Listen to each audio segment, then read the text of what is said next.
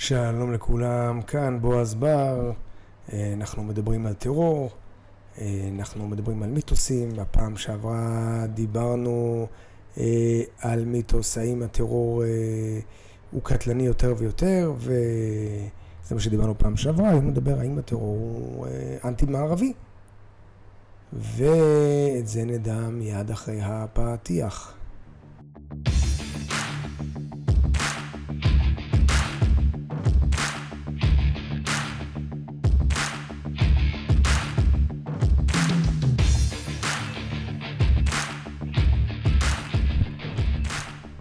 שוב שלום לכולם, שמי בועז בר ואני אה, אתן לכם אה, על חקר הטרור, אה, תחום שאני התעסקתי בו ולמדתי בו באוניברסיטה בחו"ל. גם התעסקתי בהגנה אזרחית, המון בארצות הברית ובאירופה, כל מה שקשור לשפת גוף, לפרופילאות וכל מה שקשור להבין ולהכיר את העולם הזה מתחום האנטישמיות, התחום העבריינות והתחומים של הגנה עצמית ובריונות. אמ, זה היה תזכיר קצר, ונחזור מהר, אנחנו מדברים על מיתוסים בטרור. אז uh, המיתוס שלנו, uh, שאנחנו מדברים היום, האם הטרור הוא אנטי-מערבי, זאת אומרת, יש לנו בהנחה הזאת שני חלקים, uh, ואנחנו נתמקד בעיקר.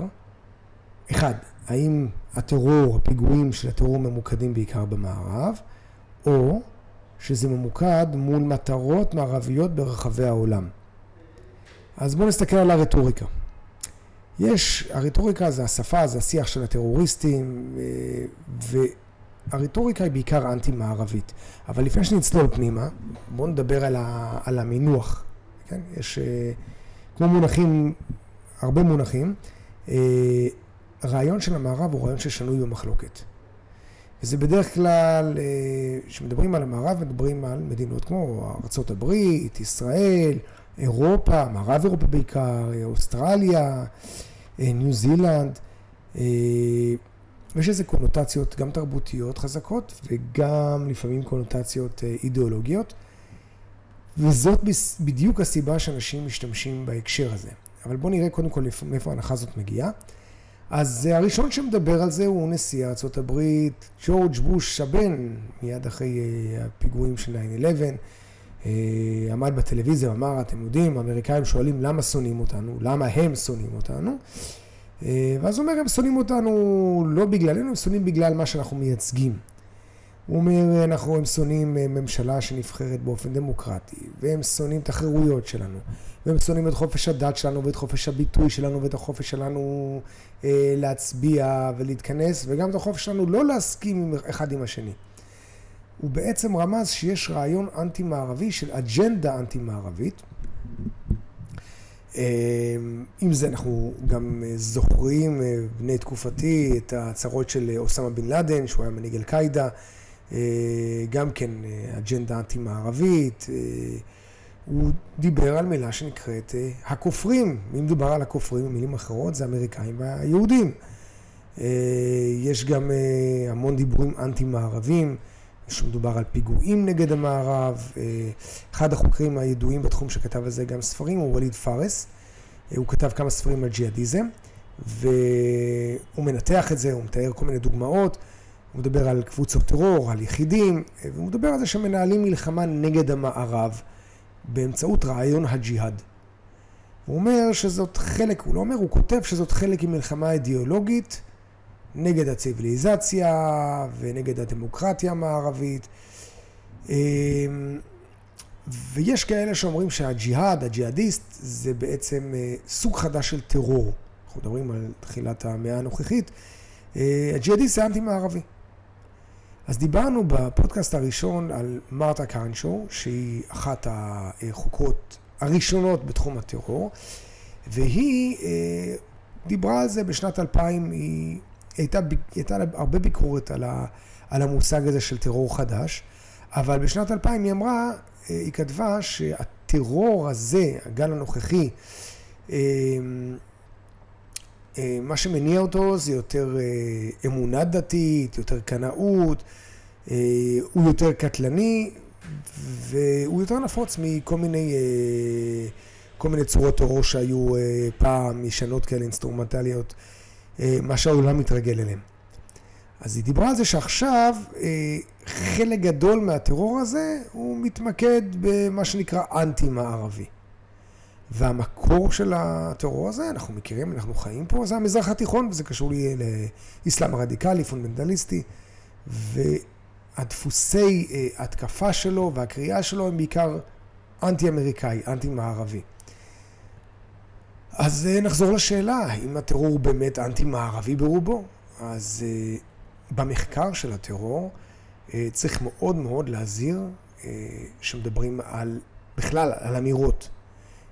אה, צריך להבין למה זה המצב ומה ניתן לעשות, אבל גם מה לא נכון. אה, מה אם זה לא נכון? מה אם באמת הטרור לא מכוון נגד מערב? אנחנו מדברים על זה. אז זה שאנחנו מדברים על זה, שהטרור הוא אנטי-מערבי, אנחנו בעצם עושים פרסומת. מי, שבא, מי בעצם ירוויח מזה? אנחנו עוזרים למי שרוצה לאיים על המערב, אנחנו נותנים לו מקום. שהוא ירוויח מהטענה, שלהערכתי ולהערכת עוד חוקרים, שהיא שקרית, הטרור הוא אנטי-מערבי, כן? ואז אנחנו יוצר, יכולים לייצר התנגדות של, התנגשות של ציוויליזציות, של אה, אה, אסלאם מול נצרות, וזה יכול לייצר מאבקים. כן, למה? כי אם העובדות הן לא נכונות, אז זה יוצר סטריאוטיפים שמסתכלים על כל מיני קהילות או יחידים אה, שנמצאות במערב או נמצאות במזרח התיכון, אז ההכללה תהיה שכל מוסלמי אה, או כל מי שמגיע ממדינה כזאת, או, מה, או שהוא חי במדינה כזאת, אז הוא אה, טרוריסט. כן? אה, הוא לא טרוריסט אה, כרגע, אבל הוא בפוטנציאל, הוא אויב בפוטנציאל, הוא אנטי-מערבי בפוטנציאל. אז באמת, השאלה היא כזאת, האם הטרור באמת מכוון נגד אה, מערבים או לא? או זה רק רטוריקה? רק איומים? אז בואו בוא נחלק את זה, נדבר ההתחלה על האיומים. אז יש לנו תמונה ברורה שיש המון, והיו המון קריאות לפגיעה במערב, לעשות פיגועי טרור נגד המערב, דיברנו על אל-קאעידה, שזה הארגון שידוע ביותר שאיים על המערב, אני לא מדבר על איראן כמדינה, מדבר על ארגוני טרור, תחשבו על בוקו חראם, שזה אה, המדינה האסלאמית, שהבוקו חראם, פירוש של זה, זה שהחינוך המערבי הוא חטא, זה התרגום המילולי של זה. אה, והם הוציאו המון סרטונים עם כל מיני כותרות של לפגוע במערב, לפגוע במדינות מערביות, לפגוע באזרחים, אבל תכלס, אנחנו חיים בתכלס, מה עם העובדות בשטח? אז בואו קודם כל נסתכל גיאוגרפית, דיברנו על זה גם פעם שעברה. אם אנחנו, אה, אה, תעמידו לכם מולכם איזו מפה של פיגועי טרור והרוגים, אם נשים את הנתונים של הטרור העולמי, אז אנחנו נראה שבעצם העוצמה והריכוז של פיגועי הטרור, של ההתקפות אה, נניח ב-2019, שהיה שיא של התקפות, אנחנו רואים שרוב האזרחים שסבלו מפיגועים בכלל לא במערב. למעשה, במערב יש רמה נמוכה מאוד של טרור. דיברנו על זה גם בפודקאסט הראשון. אה, אם נסתכל למשל על צפון אמריקה, על דרום אמריקה, על מערב אירופה, על אוסטרליה, ונשווה את זה מול המזרח התיכון, כמו ניכנס לעיראק, לאפגניסטן, אה, הודו, אה, מי עוד? פקיסטן, אה, מדינות כאלה באפריקה. רוב המדינות שיש בהן רוב מוסלמי גדול, הן המדינות שמתמודדות עם טרור. שכחתי גם להזכיר, גם בצפון אפריקה, ששם בוקו חרם פה, אה, הכי פעיל. בניגריה, כל מיני חלקים צפוניים שם. הרוב הגדול שמאוכלס זה, זה רוב מוסלמי. ורוב מוסלמי הוא זה שמתמודד עם, עם טרור. ואם נסתכל יותר על עובדות, מי נהרג בפיגועים האלה, בהתקפות האלה, מערביים או כוחות מערביים. אז כל המדינות שהזכרנו, הרוב המכריע של הקורבנות זה מוסלמי. ויש נתונים, אפשר לראות את זה בדיאגרמות. דיברנו גם בפודקאסט הראשון על העשר מדינות שיש בהן הכי הרבה פיגועי טרור, דיברנו על מעל 300 אלף אה, הרוגים ב-20 שנים, נרצחים ב-20 שנים האחרונות לפיגועים. עשר מדינות שמובילות, מתוכם אני אדבר על שבע שהן הכי אה, אה, מובילות, אה, ש-90% מהפיגועי טרור מתרחשים דווקא במדינות האלה, מדינות שהן רוב מוסלמי מוחלט כמעט. אה, ואנחנו מדברים על, כן, כן, עיראק ואפגניסטן, שהם גם אצלם הפיגועים, המון קבוצות ג'יהאדיסטיות, ארגוני טרור ג'יהאדיסטים, המון פעילות של אל-קאעידה שהייתה שם, המדינה האסלאמית. אז גם שהארגונים שה, האלה, הייתה להם אפשרות להתמקד בעיקר במערב, או בחלק המערבי במזרח התיכון, מה שנקרא כוחות אמריקאים, בעיקר הפיגועים היו מכוונים נגד מוסלמים אחרים. בואו נדבר רגע על עיראק, אה, אחרי הפלישה האמריקאית אה, וכוחות נאט"ו אה, לעיראק, הייתה נוכחות עצומה של כוחות מערביים, ועדיין הקורבנות העיקריים היו מוסלמים. אז הרטוריקה, הדיבורים, הפרסומות שהם עשו, הם בעיקר אנטי-מערביות, אבל הקורבנות הם בכלל לא מערביים. בואו נדבר רגע לגבי המצב במערב. אז היו פיגועים במערב, אבל יחסית מעט פיגועים. האם הפיגועים האלה היו אנטי-מערבים? אז לפי המדד הטרור העולמי, אני קורא לכם אה, שמדד הטרור האחרון, אה, אז צורת הטרור הקטלנית ביותר היא הג'יהאדיסטית כמובן, טרור הג'יהאדיסטים, מחבלים ג'יהאדיסטים. אה, בשנים האחרונות רצחו כ-800 איש. אחרי, מה זה בשנים האחרונות? אפילו מ-2002, מדברים על 20 שנים האחרונות, נרצחו 800 אזרחים במערב. והגל הבולט, הכי בולט, היה בין 2015 ל-2017. בשנתיים האלה היו כ-100 פיגועים לערך במערב, אה, בערך כ-500 אה, נרצחו. ולמרות שהטרור הג'יהאדיסטי הוא הצורה הקטלנית ביותר של הטרור במערב בעשורים האחרונים, בשני העשורים האחרונים, זאת לא הצורה הנפוצה ביותר.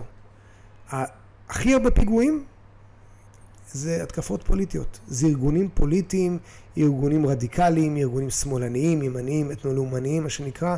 יש להם מספר קטן יותר של הרוגים, אה, אבל זה דבר שהוא עולה בהדרגה. את הארגונים האנטי-ממסדיים, אה, זה כן אפשר לראות שזה עולה. אה, אני אסתכל כאן בטבלה, בין 2015 ל-2019 יש כאן כ-350 אירועי טרור פוליטיים, 200 קורבנות. וזה מאוד שונה ממה שאנחנו מכירים. אחרי, בארצות הברית בערך אה, אמריקאים נהרגו 400, אה, בסביבות 400 אה, נרצחים אחרי, אחרי 9-11.